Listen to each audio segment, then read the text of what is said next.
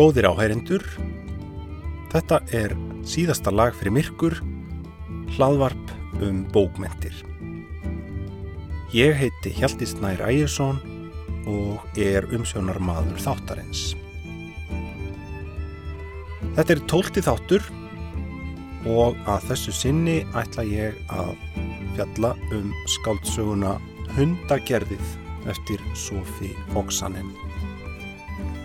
Bók sem kom út í frum útgáfu árið 2019 og íslenska þýðingin kom ári síðar, árið 2020. Það er Erla E. Völudóttir sem þýtti bókina úr finsku. Þetta er fymta bók Sofí Oksanen sem kemur út á íslensku en alls hefur hún skrifað sex skáldsögur.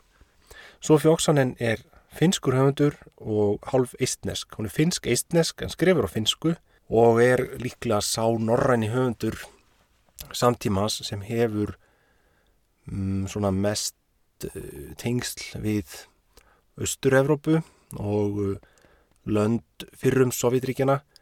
Hún hefur skrifað mikið um Eistland og samskipti Eista og Rússa bæði nútíð og fortíð. Það er að bæði á sovjettímanum og síðan e, á árunum eftir að Sovjetríkin liðust í sundur. Í hundagerðinu beinir Sofi Oksanen sjónum að Úkrænu.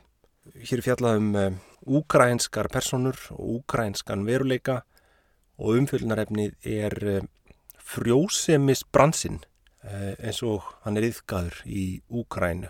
Þar segja tæknifrjófganir, glasafrjófganir, eggjafir, um, frjófgunar meðferðir, uh, staðgöngumæðrun og fleira og fleira. Þetta er sem sagt saga um þann bransa og honum er líst ansi vel í uh, bókinni. En við þurfum að vísu að gefa okkur ímislegt vegna þess að tilfelli er að allar uh, haldfastar upplýsingar eru svona mjög á reiki og það er erfitt að nálgast um, nákvæmar og traustar upplýsingur um það hvernig þessi bransi virkar í Úkrænu vegna þess að allar rannsóknir skortir uh, það er ekki mikið um, um svona tölfræði gögn sem er uh, hægt að gera sér mat úr. Þannig að mig gruna nú að heimild að vinna Sofí Oksanen við þessa skaldsögu hafi mestmegnis verið munleg. Þar sem hún hafi bara fengið frásagnir uh, fólks sem þekki til og hún hefur líst í sjálfi við tölum að hún hafi fengið álit og upplýsingar hjá ímsum úgrænumönnum, uh, bara fólki sem hún þekki sjálf persónulega. En þetta er bransi sem er umlugin þögn og á báða bóa sem sagt í Úkrænu er regluverkið í kringum frjófgunabransan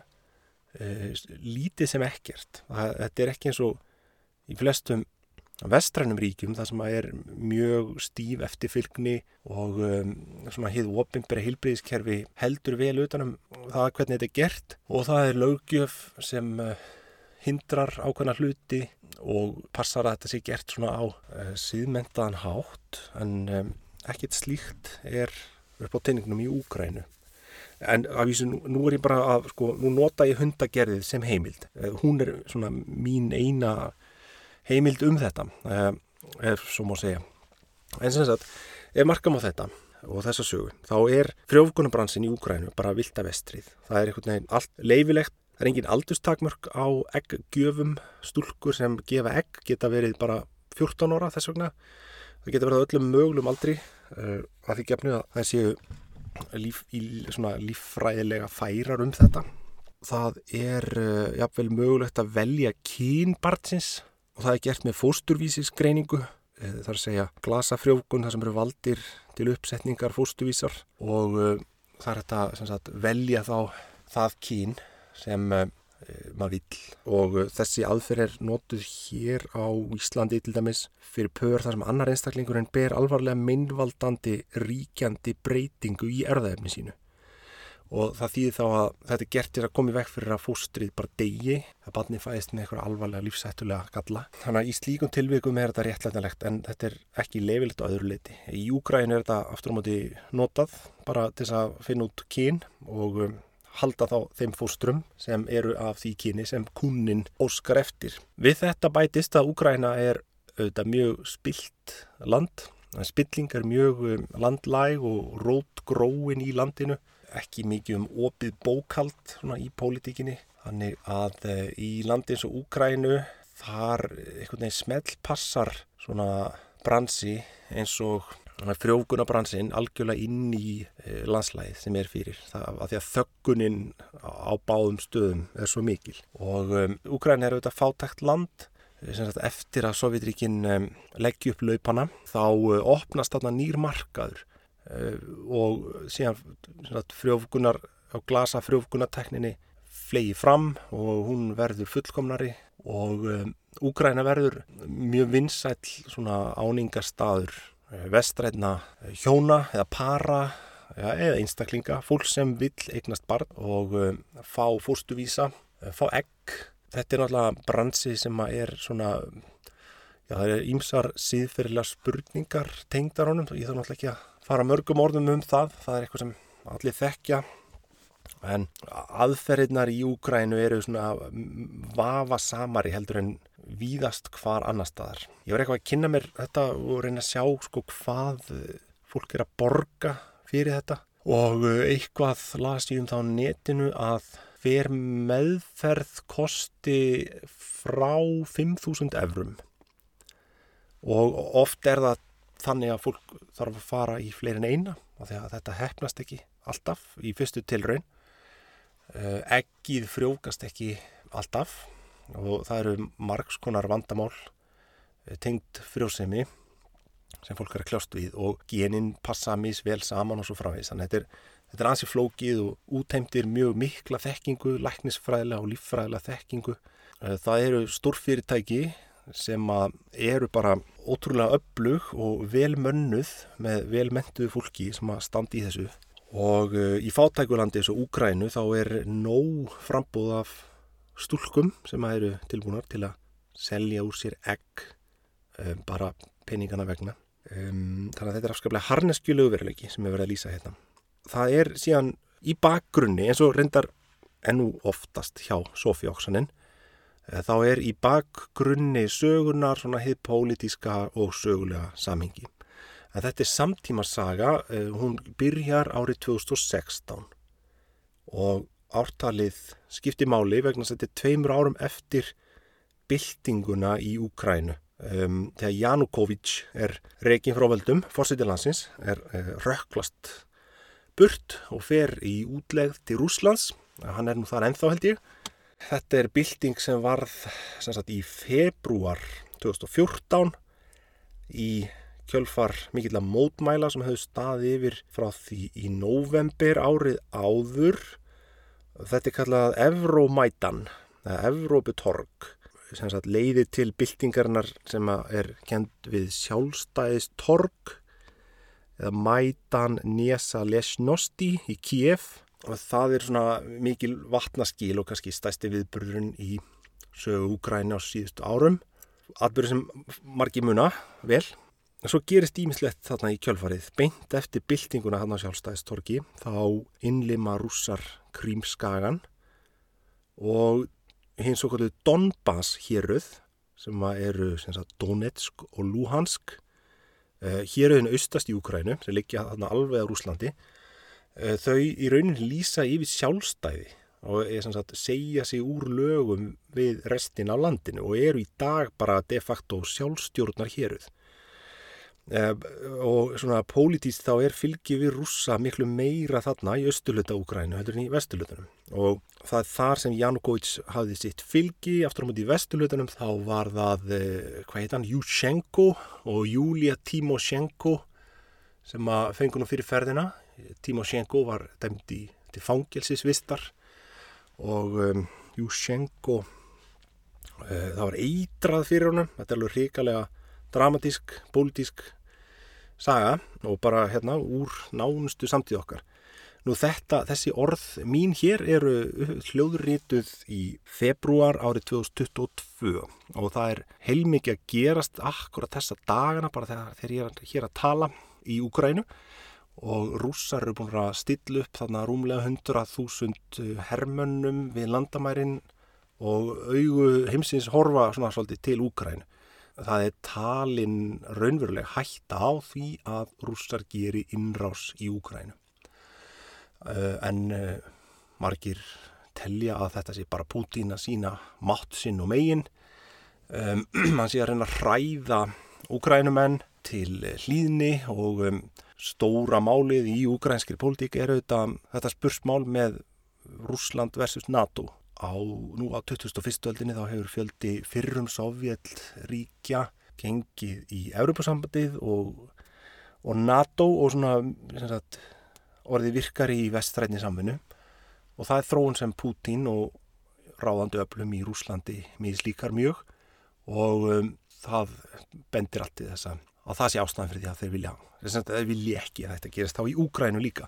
Úgræna er auðvitað mikilvægt eh, land fyrir, fyrir hérna, Rúsland mikið um auðlindir og Janukóvits þarna rétt aður en hann hröklaðist frá völdum var, já var búin, hann var búin að leggja dröga því með fleirum að gera viðskiptasamning við Evrópussambandið en svo snýra hann bara við á punktinum, snýra hann við blæðinu og gera viðskiptasamning við Rúsland og þetta er svona það sem kveikir þessi mótmæli þarna í árslokk 2013 og eh, allan þann tíma sem þau standa yfir þá funda þeir reglulega Janukovic og Putin já, þetta er svona stutt útgáfa af þessu sem er að gerast. Nú, en þetta, þetta, þessir atbyrju skipta, þeir koma kannski ekki mikið við sögu e, hér í hundagerðinu en þetta skipti máli vegna þess að aðalpersonurnar í þessari skáldsögu koma frá þessum Donbass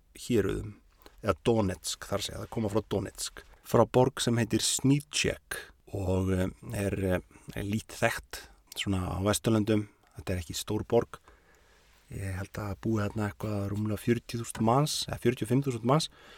Um, og þetta er námuborg eða svona yðnarborg og er þarna í austasta hluta Úgrænu og þegar þær eru eh, að hittast þarna árið 2016 þá er eh, það eftir þessa atbyrði þarna e, þegar þessi, hérað, þessi héruð, Donbass héruðin slíta sig frá ráðandi öflum. Og það náttúrulega skipti miklu málu um alla möguleika á endurkomi og heimkomi þeirra.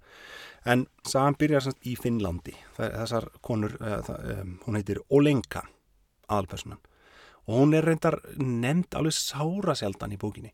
Það er svona valla maður muni nafnið á henni. En Olenka heitir hún uh, og vinkoninnar Darja þess að sagan byrjar því að það hittast uh, þarna í Helsingi og Ólenka, hún er búin að búa í Helsingi í stjö ár. Hún er, hefur svona flúið heimaland sitt eftir að hafa flækst í mikla og ræðilega atbyrði henn er ekki lengur vært í gamla heimalandinu þannig að hún er í felum í Finnlandi. Og hún á lífsitt undir því að engin heima við frétti af því hvað hún er hún vinnur bara sem skúringakona býr í lítilli tveggjaherbyggja íbúð og um, fer afskaplega uh, hljótt í sínu lífi. Það er breyting frá hennar fyrri árum þegar hún var um, starfaði sagt, fyrir eitt af þessum frjókunar fyrirtækjum í Úkrænum. Þessi saga er byggð upp á mjög sérstakann hátt. Hún er kabla skipt og það er flakka fram og aftur í tíma 2016 er þarna síðasta, síðasti punkturinn en svo gerast þetta líka árið 2006 og líka um, um 1991 e, þegar Sovjetrikinn liðast í sundur og á tíund áratögnum, þetta er svona já, kannski 25 ára tímabil e, 25-30 ára tímabil e, og bara æfi þessar ólengu hún er, já, æfisa hennar er svona það sem sagan hverfist um. En þetta er allt mjög á reiki og við lesendur fáum bara mjög litla skamta af upplýsingum og það er verið að tæta í okkur svona smátt og smátt hvað gerðist nákvæmlega, hvað var til þess að þessi stúlka endaði þannig í Finnlandi. Og uh, inn í hvað flæktist hún og, akkur er hún á felum, hverjir eru það sem vilja að drepa hana? Hvert er samband hennar við þessa Daríu sem hún hittir hérna 2016 og þessu er líst í sögunni en e, á mjög brotakjendanhátt og það er sagt frá atbyrðum lungu áður en já, atbyrður gefnir í skín og það er vísað til þeirra lungu áður en þeim er síðan líst í sögunni. Til dæmis fá að vita ein personun er drepin en svo er kannski fyrir hundrað blaðsjum setna sem að við fáum lóksins að sjá uh, morði sjálft og hvernig það atvikaðist og hvers vegna hann var drepin og það er ekki fyrir alveg í blá lók söguna sem þetta svona blasi við daldið og galdur sögunar er náttúrulega mikið í þessu. Þetta er hefðbundið hjá Sofí Óksan en hún gerir þetta í hreinsun og hún gerir þetta í öðrum bókum. Ef maður tæki alla þessa búta uh, sem að eru hér borðnir á borð og myndi raða þeim upp í einhverja svona línulega tímaröð þá myndi þetta nú kannski missa slagkraft sinn að þetta eru svona svolítið stereotypiskar personur og ekkit óheðbundin saga en samfélagslega lýsingar eru svona kryttið eða það sem gefur bókinni gildi hér er mikið um samaburða á velmjöðunalandinu Finnlandi og uh, fátæka landinu Úgrænu og hér er líka þessa lýsingar á þessum frjósemis bransa. Endurlitið hefst árið 2006 og þá víkur sögunni frá Helsingi þarna 2016 og 10 ára aftur í tíman. Til þess tíma þegar Olenka er búsett í Úgrænu en ekki reyndar í Snýtsnje, gamla heimabænum heldur í Mykolaiv sem er héradið eða umdæmið og hún býr þar í Þorpi sem er ekki nafngreint. Og hún býr þar með mömmu sinni og frængu sinni og Boris sem er maður eða vinnumadur þau, þau búa á litlum sveitabæ. Þetta er í söður hluta Úkrænu þetta er nær Moldófu og Rúmenju heldur en Rúslandi og Mykolaiv umdæmið er strjálbílasti hlutin í Úkrænu og þar búa 52 manneskjur á hvern ferrkilometra sem nú náttúrulega ekki strjálbílt kannski með við Ísland þar sem það eru bara þrjár. En samanbora við hína staðina sem er líst í þessari sögu þá er þetta svona sveita samfélag og um, dreifbíli og þarna búa þær í svona frekar róleri tilveru en uh, þó með það er alltaf eitthvað svona ógn yfirvofandi. Þær framflita sér með því að búa til kompott sem er einhvers konar lágæða heroín, svona ódýrt lélegt heroín og selja þetta svörtu markaði. Og tengiliðurinn við dílerana heitir Ívan. Og hann er bara lítil persóna svona framan af og verist ekki vera að hafa neitt stort hlutverk í sögunni. En svo kemur á daginn undir lok sögunar hann er örlega ávaldur í lífi hennar og lengu um, þetta er eitt af það sem er svona skemmtilegt við þess að sögu að sumt þarna er virðist ekki skipt en einu máli og svo kemur það að fá við nýjan svona e, nýja sín á það síðar í sögunni e, eða fáum að skoða það út frá öðru sjónarhóttni og sjáum að þetta skipti þá einhverju máli, svona þekking okkar eikst alltaf smátt og smátt. Nú, í Mykolaiv er um, fylgi við rúsa mjög lítið, var og er. Og samkvæmt skoðanakönnun sem var gerð árið 2014, þá var ekki nema 2% fylgi við þá hugmynd að hér að er þið innlimað Rúslandi eða sagt, sett í eitthvað formlegt áhrifasamband.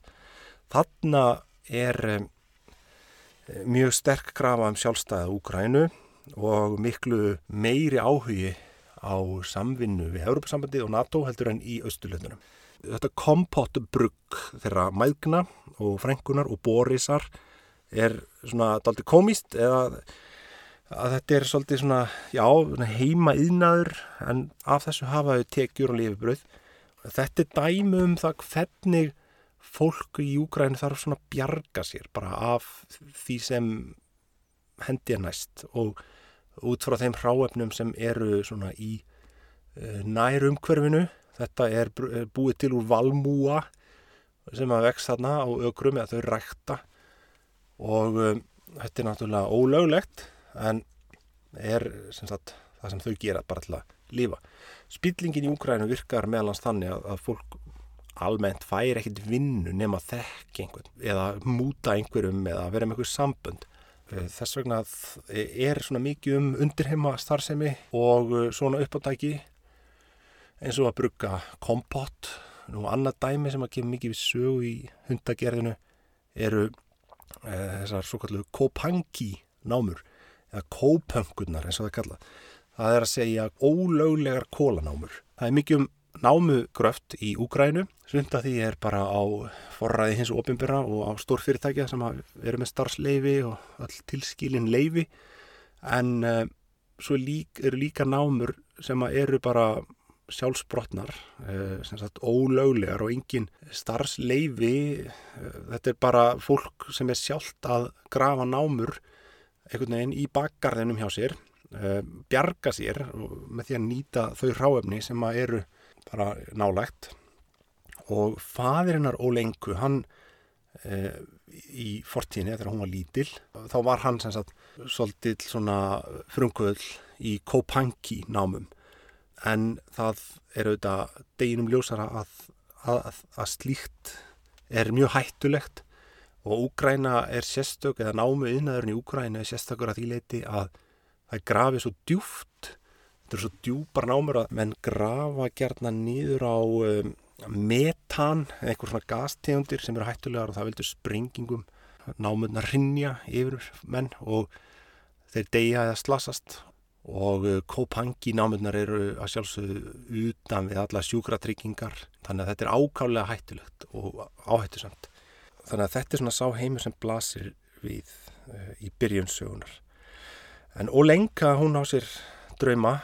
Hún af ísu þarna er, eh, er hún búinn að reyna fyrir sér sem fyrirsæta og það kemur fram að hún hefur búið í París eh, starfaði sem auglýsingafyrirsæta og við fáum að vita það seint í sögunni að, að sá ferill var afskaplega skrikkjóttur og kannski átt hún aldrei neina raunverulega möguleika á að ná langt í þeim bransa. Það er svona svo stemming sem er sköpuð hér að eh, fyrirsætu bransinn sé afskaplega harður heimur, það eru bara örfáar stúlkur sem að eh, ná að eh, auðgast og efnast verulega á því starfi. Og þetta er, gerist meðalans vegna þess að stóru tískufyrirtækin Chanel og Gucci og hvað er það heitir alls mann. Þetta er sem sagt þess að fólk hasli sér völl hjá þeim þá þarf fyrst að fara í gegnum tímbil þar sem maður fær borgað í eh, vörum, maður fær bara borgað í fötum eða ylvatni eða einhverju svona dóti sem fyrirtæki framlega en Olenka eh, hún er fátæk og þarf peninga og neðist til að vinna fyrir það fyrirtæki sem býður greiðslu í reyðufjö og það reynist vera netusmjörs framlegandi Uh, hún fær vinnu sem auglýsingafyrirsæta og um, með góðum árangri, auglýsingarnar með myndin af henni eru allt í nú bara á öllum neðan, hér að lesta stöðum, Parísar. Uh, útkoman er bara góð og heppileg fyrir fyrirtækið og fyrirtækið nýtir þessar auglýsingar og nýtir hana myndirnar af henni árum saman en þetta gerir það verkum að hún missir alla möguleika í fyrirsætu bransanum þar sé að eftir þetta þá er hún bara netusmjörs stelpan og hún á engan sjens í að veginn, vinna fyrir Chanel í framtíðina því að það er bara, hún er ekkit lengur í þeirri kategóriu. Þannig að þessi samningur við netusmjur fyrirtæki reyndist vera svona koss döðans strax í upphæfi fyrirlsins. Nú en árið 2006 þegar sagan, eða þegar endurlitið byrjar, þá um, ákveður uh, hún Olenka að fara í bæin með strætó til þess að fara í viðtal á svona atvinnu miðlunar skrifstofu, hún ræði letið sér vinnu, einhverju svona sæmilegri vinnu og einhverju öðru heldur en þessu undirheima braski sem móðurinnar og hennar fólk vinna við og faðirinnar vann við áður. Og uh, hún tekur stræt og það er lýsing á því þarna snemma í sjögunni hún fer sem sagt uh, og tekur vagnin og, og það er oft með henni þegar hún fer í svona ferðir, þetta er ekki svo fyrsta þegar hún fer í bæin sem sagt að leta sér að vinnu þá eru með henni ungar stúlkur uh, sem eru á leiðin í bæin líka eru búin að uh, mála sig og gera sig sætar af því að þær eru að fara á hjúskaparmiðlunar skrifstofur. Það eru semst að eiga sér þann draum að þeirra leið út úr fátæktinni sé að giftast einhverjum ríkum útlendingi. Og þessar hjúskaparmiðlunar skrifstofur halda jafnvel ráðstefnur eða svona eh, brúðarsýningar reynilega. Það er svona bara útle, sagt, útlenskum karlmönnum er bóðið að koma og skoða stúlkurnar og um, það er aldrei svona írónísk lýsing hérna að þessu. Uh, hún orðar þetta svona Þegar komið var á áfangastað raug stúlkna hjörðin út úr bílnum, skildi eftir sig lykt af ungu hári og gömlum snirtiförum. Eh, það eru náttúrulega ekki með nýjasta nýtt í snirtiförum, það eru bara með gamla varaliti frá ömmu sinni eða eitthvað svona, það, það, það litla sem þær geta notað, það notað er. Þetta er svona, já, hinn kvenlega fegurð sem möguleiki á því að vera losna út úr fátæktinni. En um, Ólenga hefur ekki áháð þessu, kannski vegna þess að hún er með hennan bakgrunn, hún er brend af þessum fyrirsættu bransa og uh, hún þekkir þann heim og veit að hann er afskaplega karlægur, hún er búin að fá nóa þessum karlrembu svínum sem eru ráðandi í þeim bransa Eh, þannig að hún fer í staðin og leita sér einhver öðru en það er að fátt um fína drætti og það er endar gefið í skín að stúlkunnar í strætóinum eigi nú ekki mikla möguleika heldur bara einfallega vegna þess hvað þar eru stattar í heiminum. Þetta er afskaplega afskektur staður, ukrænska eh, sveitin og um, meiri möguleikar á að finna sér maka herlendis frá en alltaf bara með því að vera eitthvað starf annar staðar í París eða London eða um, en það er hægara sett en gert fyrir það að komast úr landi fastarðar eru með vegabrið sem gildir til allra landa. Þetta er ekki eins og hjá okkur hérna á Íslandi þess að maður getur ferðast út um allt bara áhyggjulaust. Nú en Ólenga er sem sagt í bænum þannig að þegar hún rekst á atvinnugulsengu á ljósastur og það er óska eftir fallegum stúlkum en eh, tekið fram að þessi ekki fyrirsætu starf og ekki uh, hjúskapamiðlun og ekki vinna á bar. En það er ekkert sagt sko hvað nákvæmlega þetta er forvitni hennar er vakin og hún fer til Dnipro sem héttir reyndar Dnipro Petrovic á þessum tíma. Uh, nafninu var breytt eftir byltinguna 2014 að ég held að þetta er stærsta, nei, fjórðastæsta borgin í Úkrænu og það kemur á daginn að þetta er frjósemis fyrirtæki fyrirtæki sem starfar við það að selja egg og uh, þjónusta kuna sem að eru ja, pör yfirleitt sem að er að reyna eigna spann og uh, selja fósturvísa. Og þetta um, virkar þannig að kunin hefur uh, já, hann borgar mikið fyrir þjónustuna og hans réttur er mjög sterkur. Hann getur gert miklar kröfur. Um, en stúlkunnar sem gefa ekkin hafa Eh, mjög lítil réttindi. Og um, þetta er ekki áhættu laust að gefa egg. Það þarf að gera ímistlegt um, það þarf að uh, fara í hormónameðferð sem að þarf að vera undir mjög ströngu lækniseftiliti og getur verið hættuleg ef, og lífshættuleg ef að, ef að það er um, gefið og mikið að livjum til dæmis. Það er hérna uh, ég veit að í bandaríkunum gildir svo regla að kona má ekki gefa egg oftar en sexinum um æfina. Einfallega vegna þess að það er bara ekki vitað hvaða afleggingar og það getur svona brúðið til begja vona með það, hvaða afleggingar það hefði að gefa meira og oftar eh, bara fyrir líkama konar. Þetta er, þetta er mikið álag fyrir líkama þeirrar konu sem gefur ekkið og auðvitað líka álag fyrir uh, líkama þeirra konu sem fær ekkið. Um, þetta er mikið inngrip inn í líkanstarðsemi. Um, og um, nú í atvinnuulsingunni, þarna í Dnipro, þá uh, hittir hún, eða fær hún viðtal við konu sem að fær að skoða þarna fjölskyldumindir og hún beðinu það að taka með sér fjölskyldualbúm vegna þess að húnatnir hjá fyrirtækinu gera svo mikla kröfur það ger ekki bara kröfu um að stúlkan sé falleg eða hafi tiltekið útlitt um, heldur líka það að genin séu góð og fjölskyldu sagan sé tröstveikjandi. Það þarf að fá þetta allt upp á yfirborðið. Er einhver geðveila í ættinni? Er einhver sjúkdómar, alkoholismi? Uh, fólk vil vita þetta allt. Vil vita allt um ætt og, og gen þeirra stúlna sem gefa eggin. Þannig að kröfunar eru miklar. Og lenga er frá þessari litlu borg sem heitir Snitsni og er í, í uh, Donetsk og er mm, yðnaða borg og það er mikil mengun þar það er ekki tröstökjandi og sagt, bara nafni Snitsni það er ekki gott á sífíunu hjá henni það mingar mjög möguleika hennar á að fá þessa vinnu vegna þess að um leið og kunnin fattar og hún, hún er sagt, frá þessu mengaðasta, mengaðasta svæði í Úkrænu þá bara missa þær á hann. Uh, hún svona heldur þarna um tíma að hún sé bara ekki að fara að fá vinnuna en þá getur hún á móti komið með það að hún er bólusett. Hún er sem sagt með allar tilskildar bólusetningar sem því að hún er bólusett gegn bara rauðum höndum og hlaupabólu og barnaveiki og öllum þessu sjúkdómum sem við hérna á Íslandi til dæmis erum bólusett gegn um, en það aftur á móti í vissum hlutum Úgrænu, sérstaklega í östuhlutunum Eh, það eru svona miklu fordómar gagvart bólusetningum.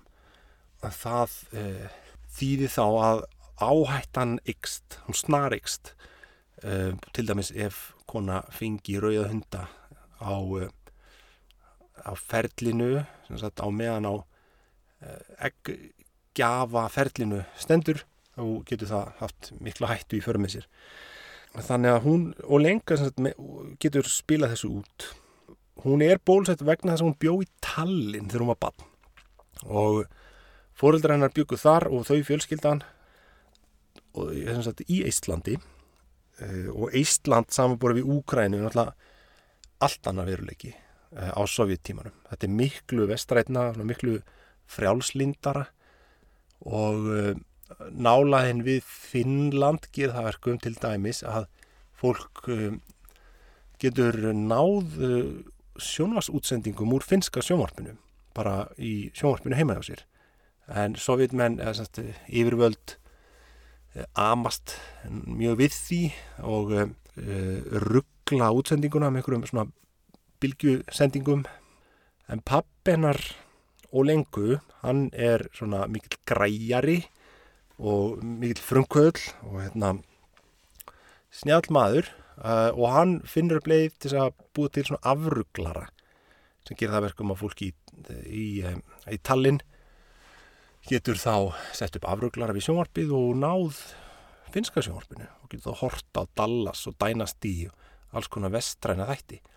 Og uh, hann nær mjög góðum árangri með þessu, með að selja þessa afrugglara en síðan gerist það sem satt 1991 þegar að Eh, Sovjetríkin eitt af öðru fara að lýsa við sjálfstæði og liðast í sundur, ríkja sambandið liðast í sundur að þau þurfa að fara úr landinu. Þau missa ríkisborgarréttin í Íslandi og þurfa að fara aftur til Úkrænu og til Snýtsni eh, en hún nýtu góðs að því þarna í atinu viðtalinu að að hafa eh, fengið þessar, þessi bóluefni eða bólu, hafa verið bólusett. Hún er líka búin, búin að búa í París og hún er svona veraldavön og svolítið vænlegu kostur sem eggjafi og þetta verður til þess að hún fær vinnuna. En það þarf að fixa ímislegt á ferilskráni það þarf að, stroka snýtsni út. Það þarf svona að já, fegra aðeins ferilskrána. Það þarf að þurka út einhverja óæskilega einstaklinga þannig á ættartrénu það þarf að búa til einhverja uppskáldaða e, lýsingu á mentun hennar og svo framveist. Þannig að þetta er greinlega, svona greinlega gerast kaupinu og eirinni þarna í þessum bransa að, að það er ekki alveg að marka ferilskrána. Það er síðan, já, e, síðan sem sagt færum vinnuna og er bara eggjafi í einhvern tíma, einhver ár kannski og uh, vinnur sig upp innan fyrirtækisins og uh, verður semst agent uh, sem fyrir að finna og leita að stúlkum og taka á móti og færir henni það hlutverk að vera þá að fá fólk í aturviðtal og síðan fær kemur móðuruna til hennar í daginn og byður hann um að útuga vinnu fyrir þessa Darju sem að er svona fjölskyldu vinnur eða úr fjölskyldu sem þau þekktu á árum áður á árunum í Snýtsni og feður þeirra sem sagt voru samstarfsmenn. Og við fáum ekki að vita það fyrir en lungu setna í sögunni hvers eðlis það samstarf var og til hvers það leiti en það er algjört úrslita atrið í sögunni. Og uh, Darja fær að koma að því viðtað til og lengu það eru svona svipuðum aldri Darja væntalega örliti yngri nokkur um árum yngri og uh, út á þennan gamla kunningsskap og þessa vináttu fjölskyldnana þá fær Darja vinnu en þá eftir reynast örlaríkt vegna þess að hún stennst ekki alla kröfur um, Aftur á móti er hún mjög svona góður eggjafi. Uh, henni text, ja, með hennar eggjum text að frjóka fjölda hvenna og jáfnveil konur sem voru búin að gefa upp alla vonum að það gætu eignast börn. Og Dari er eitthvað svona undrabann í þessum heimi. Nú síðan gerist það að uh, það komast í kynni við mann sem heitir Viktor Kravets. Og hann er valda mikill og ríkur. Og hann á konu sem heitir Lada Kravets. Þetta er vonda ríka fólkið sem að uh, getur ekki eignast bann og um, Lada Kravets er búin að reyna og reyna og, um, leiðir þeirra liggja saman Darja er notuð í þetta verkefni. Uh, það er mikið í húfi vegna þess að fadir Viktors þessa heitir Verjes Kravets og hann er uh, ákálega valda mikill maður í Júkrænu og um, svona þekkir menn á æðstu stöðum og er hann eitthvað stór, eigandi stórfyrirtækis og það skiptir miklu máli fyrir frjósemis fyrirtæki að vera með slíka kuna á sínum snærum. Á einhverju stíi málsins þá eru þau saman hann og Lenka og Viktor uh, við aðtöfn það sem hefur verið að opna barnaheimili hún er aðna vegna þess að frjóðsefnis fyrirtæki sem hún vinnur hjá er eitthvað skonar styrtaraðili verkefnisins eða bakhjarl þessa barnaheimilis. Og Viktor er sömulegis þarna af politískum og fjárháslegum ástæðum. Hann er að hasla sér völl í stjórnmálum og uh, þau eru þarna við einhverja opnunar aðtöfn uh, þar sem uh, stúlkna kórar syngja fallega ættjarðarlög og, og lenga bara horfir yfir stúlknahópin og hugsa bara hverjar hverjar líti út fyrir að vera efnilegar og þarna eru ferskir ekkjastokkar sem er mikil gróðalind í framtíðinni. Svolítið svona creepy lýsing. En uh, þarna eru fjölmiðlar og frettamenn og ljósmyndarar og það tekir mynd af þeim saman. Þar sem að geta að mamma og lengu, hún veit sára lítið um það hvað hún er að gera. Hún veit bara hún er í góðri vinnu. En síðan sagt kemst hún að því að Óli Enga er í slagtói við þennan Viktor þau verða bara góði vinir í þessu ferli nú þá kemur daginn að Viktor e, eða öll heldur Veres, fadirnas þeir e, svo fjölskylda var örlega valdur í lífi þeirra á árum áður að á árunum þannig eftir 1991.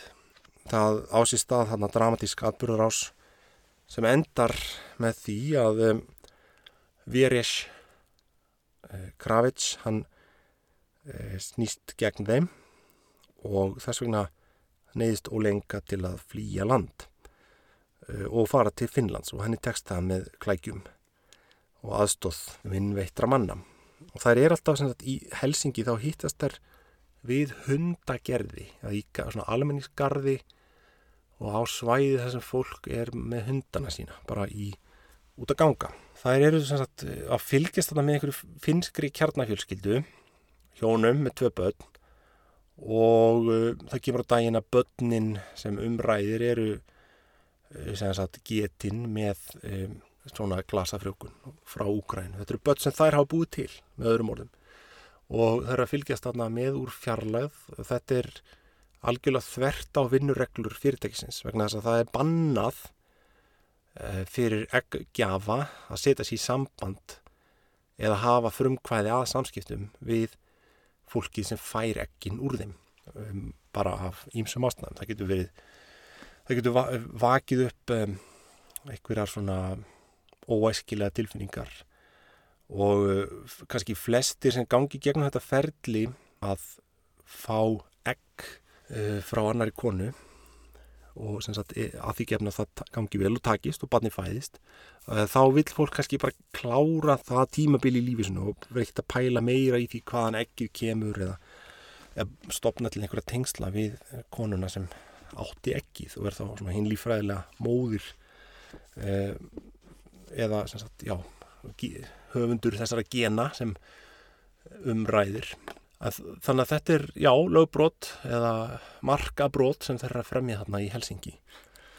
Hundagerðið, já, hundar eru líka daldi stort tákn í sögunni og uh, hundar náttúrulega frá Örofi Alda eru tákn um tryggð en það er áhugavert að sjá hvernig Sofí Oksanin notar hunda sem tákn vegna þess að hundar eru líka háðir því menningulega samengi sem þeir búa í. Eh, fólki í Helsingi sem hefur allt til alls á hunda bara svona sé til skemmtunar og aðþrengar og fer með hundana út að hlaupa og leika sér í almenningsgörðum. Um, þetta er alls ekki tilfellið í Úgrænu. Þar merkja hundar eitthvað allt annað.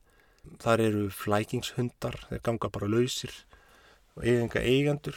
Um, varðhundar eru algengir fólk á varðhunda bara einfallega til að verjast innbrótstjóum og þannig að hundar í Úkrænu endur spekla einhvern harneskjulega veruleika sem við á Vesturlandum tengjum ekkit við. Fyrir utan það þá er náttúrulega hundaræktun er svona dæmum gena bransa sem er bara við, almennt viðurkendur á Vesturlandum.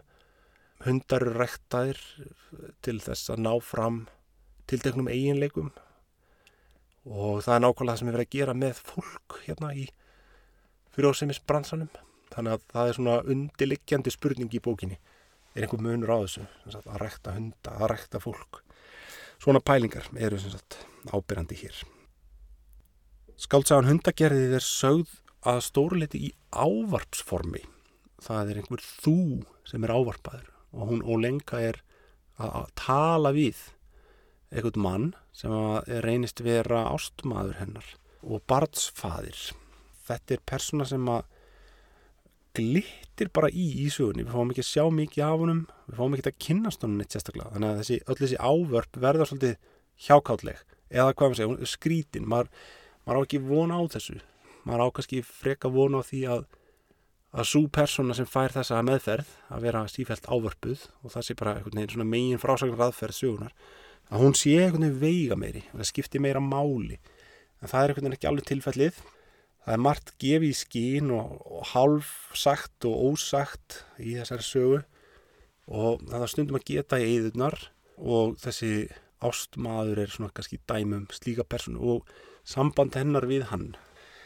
Hann er uh, þau kynnast í þessu verkefni það sem Krevets fjölskyldan er annars vegar. Hann er sem sagt ykkur svona e, útsendari fyrir krevets feðga og bara fantur og morðingi og hérna, hættulegu maður og það stendur til að hann fari með til Finnlands. En e, já, minnst kosti dreymir hana um það. En e, það verður ekki. Og svo þegar það hittast þarna aftur eftir öll þessi ár eftir langa, langan tíma Darja og, Lenga þá er einhver líkar hann að Darja sé bara komin yfir strikið. Hún er svona búin að missa vitið eitthvað og það má velta fyrir sig hvers vegna það gerist. Hún er náttúrulega búin að gefa meira af eggjum og kannski hefur öll þessi allt þetta líffræðilega inngrip haft einhver áhrif á hana og svona andlega áhrif. Um, hún er sérst orðin komið með þráhyggju fyrir því að eignast sjálfbann og þess vegna er hún þarna að sníklast í kringum börnin uh, í Helsingi uh, og þessar fjölskyldu og þar, það er svona rammin utan þessu söguna það er líka það er eftir að gera upp í mis mál uh, sem að er sem sagt, gert og ekki gert. Sagan endar í, svolítið, í lausu lofti. Við vitum ekki alveg hvað gerist eða hún endar eiginlega áður en að fæst ykkur nýðustuða. Þannig að já, þetta er svona nokkur orð um hundagerið eftir svo fjóksanen. Ég veit að þetta er, þetta, ég næ ekki utan um alla söguna. Þetta er margslungin og viðamikil saga en svona í stórun dráttum þá er hún eitthvað á þessa lið. En ég hef þetta þá ekki lengra að þessu sinni. Ég þakka þeim í hlýtu. Verðið sæl.